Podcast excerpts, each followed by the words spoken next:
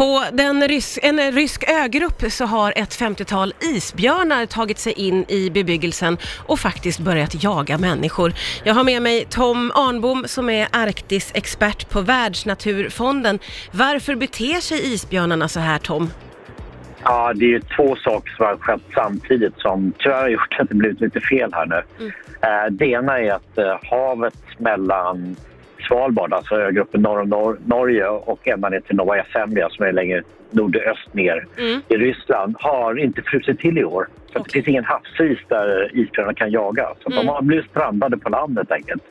Ja, okej. Och sen har den här staden där de här håller till nu, de här isbjörnarna, de har en stor soptipp. Där de slänger ut grejer och har inte tänkt på att isbjörnar kan lockas till av dem. Så det är världens smörgåsbord dukat på soptippen. Ja, ja, det är klart. Det handlar om hungriga isbjörnar och det är också ett scenario som vi har hört talas om i många, många år, det här att isarna smälter och att det påverkar isbjörnarna. Ja, så det här är ju bara liksom en... Men det här är extremt för det är så väldigt mycket isbjörnar. Menar, vet, 52 stycken springande runt där, det är inte så jättekul direkt. De rör sig alltså i en stad där det bor människor, så att säga.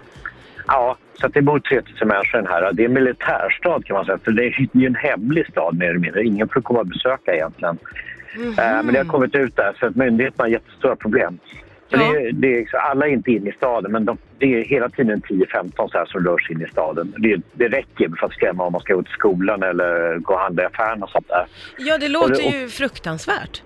Ja, ja, men det här är inget roligt problem alltså. Men det här är någonting som eh, vi har varnat för. Att, och vi vet att det här ökar nu när isarna försvinner. Då måste ju isbjörnarna gå i land. För de är urdåliga på att jaga på land egentligen. Så Mm. käkar de sopor. Ja.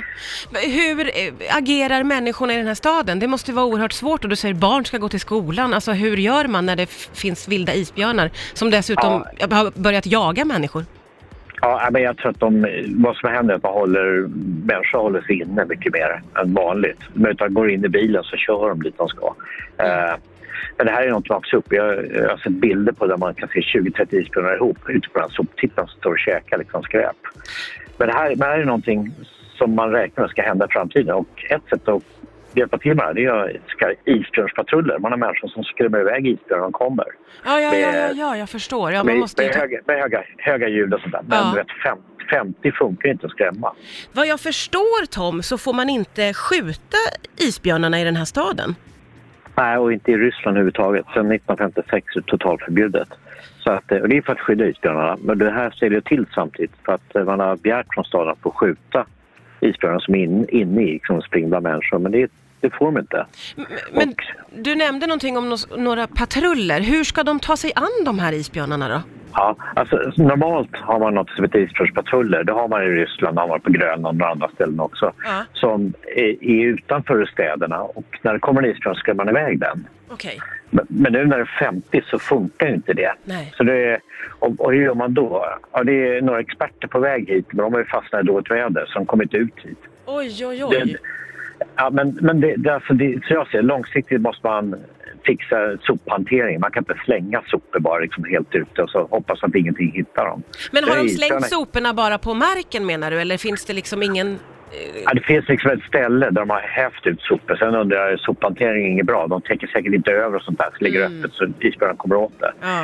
Eh, och det är ett allmänt problem med Arktis. Man slänger ut, liksom, ja, man äter en säl, då slänger man ut kadaver utanför huset. Okej. Och Då kommer, det kommer isbjörnar och sånt där. Ja. Det andra är att man, jag tror man måste sätta upp staket runt den här militärstaden helt enkelt. Ja, ja, ja. om de vill okej. slippa det här i framtiden. Ja. Men, och, men för att få bort isbjörnarna, hur gör man då? Jag tror att man måste mata dem på något annat ställe. Ja, ja, för de är ju fortfarande hungriga. De har ju ingenting att äta.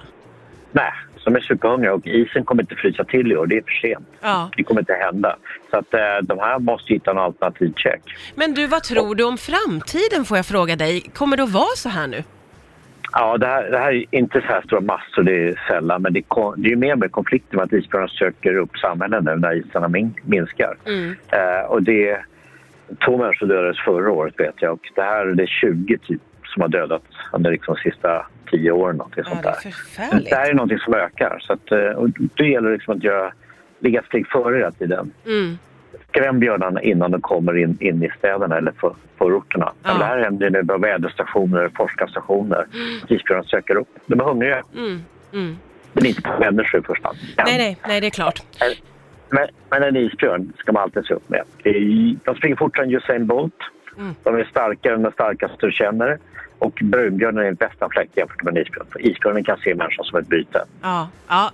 Eh, Tom, snacks, fruktansvärt. Tom Arnbom, tusen, tusen tack för att du var med här på Rix FM idag. Tack snälla.